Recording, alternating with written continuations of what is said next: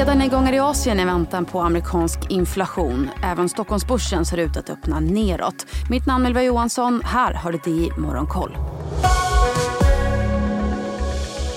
Ja, det är neråt i Asien under morgonen idag samtidigt som marknaden inväntar den amerikanska inflationsstatistiken i eftermiddag. Inflationen har ju fallit tillbaka stadigt i USA och väntas ha fallit ytterligare till 4,3% i årstakt. Men efter flera starka makrodata i förra veckan blossade ju marknadens oro för ytterligare höjningar upp återigen.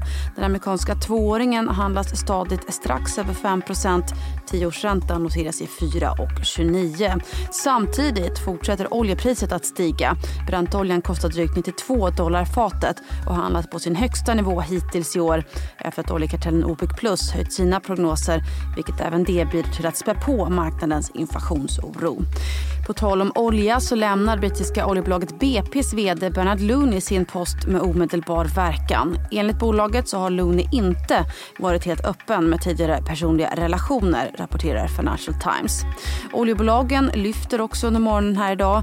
Tokyobörsen är däremot ner en halv procent och yenen försvagas återigen mot dollarn. Samtidigt så visar en undersökning från Reuters Tankan att förtroendet inom näringslivet i Japan försämrades i september och noterade den största nedgången sedan i januari.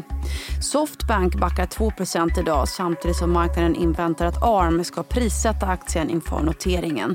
Nu står det också klart att tyska sandalbolaget Birkenstock ansöker om en notering på New York-börsen. Enligt Bloomberg skulle Birkenstock kunna värderas till mer än 8 miljarder dollar vid en notering.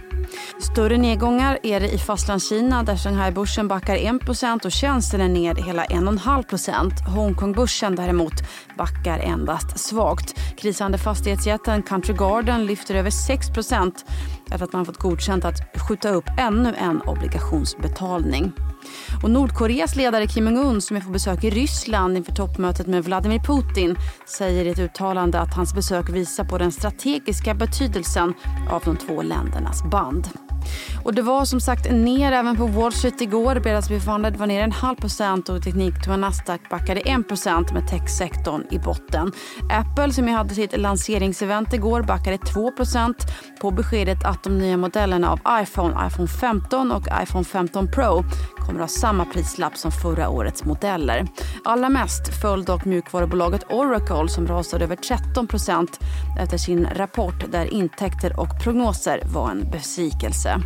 Idag håller vi ögonen på senatorn Chuck Schumers forum om framtiden för AI som gästas av en rad tunga techledare, bland annat Teslas Elon Musk och Metas Mark Zuckerberg.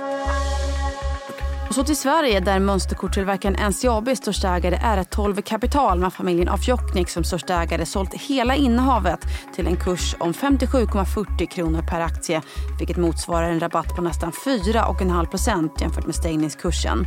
R12 ska innan försäljningen ha ägt drygt 21 miljoner aktier i NCAB vilket motsvarar drygt 11 procent av kapitalet.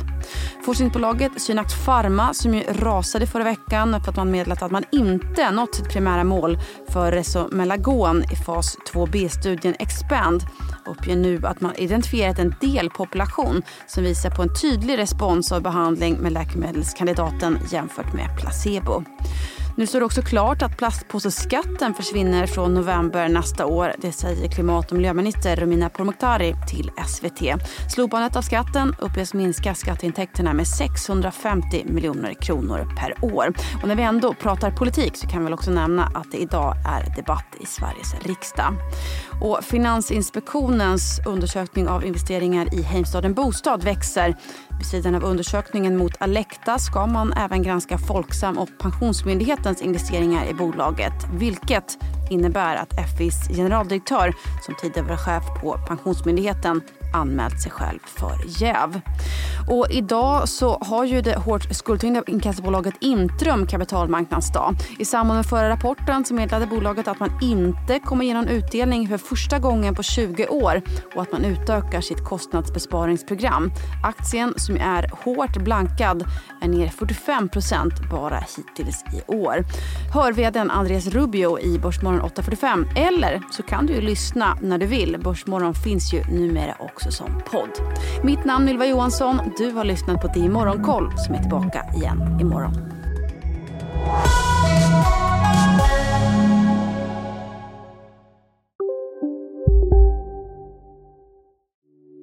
Hej, Ulf Kristersson här. På många sätt är det en mörk tid vi lever i. Men nu tar vi ett stort steg för att göra Sverige till en tryggare och säkrare plats. Sverige är nu medlem i Nato. En för alla, alla för en. Expressen gör varje vecka podden Politikrummet där vi djupdyker i det senaste och viktigaste inom svensk politik. Med mig, Filippa Rogvall, som programledare tillsammans med mina vassa kollegor. Och det är ju ni som heter Thomas Nordenskjöld, Anette Holmqvist och Viktor Bartkron. Politikrummet kommer med ett nytt avsnitt varje tisdag. Vi hörs.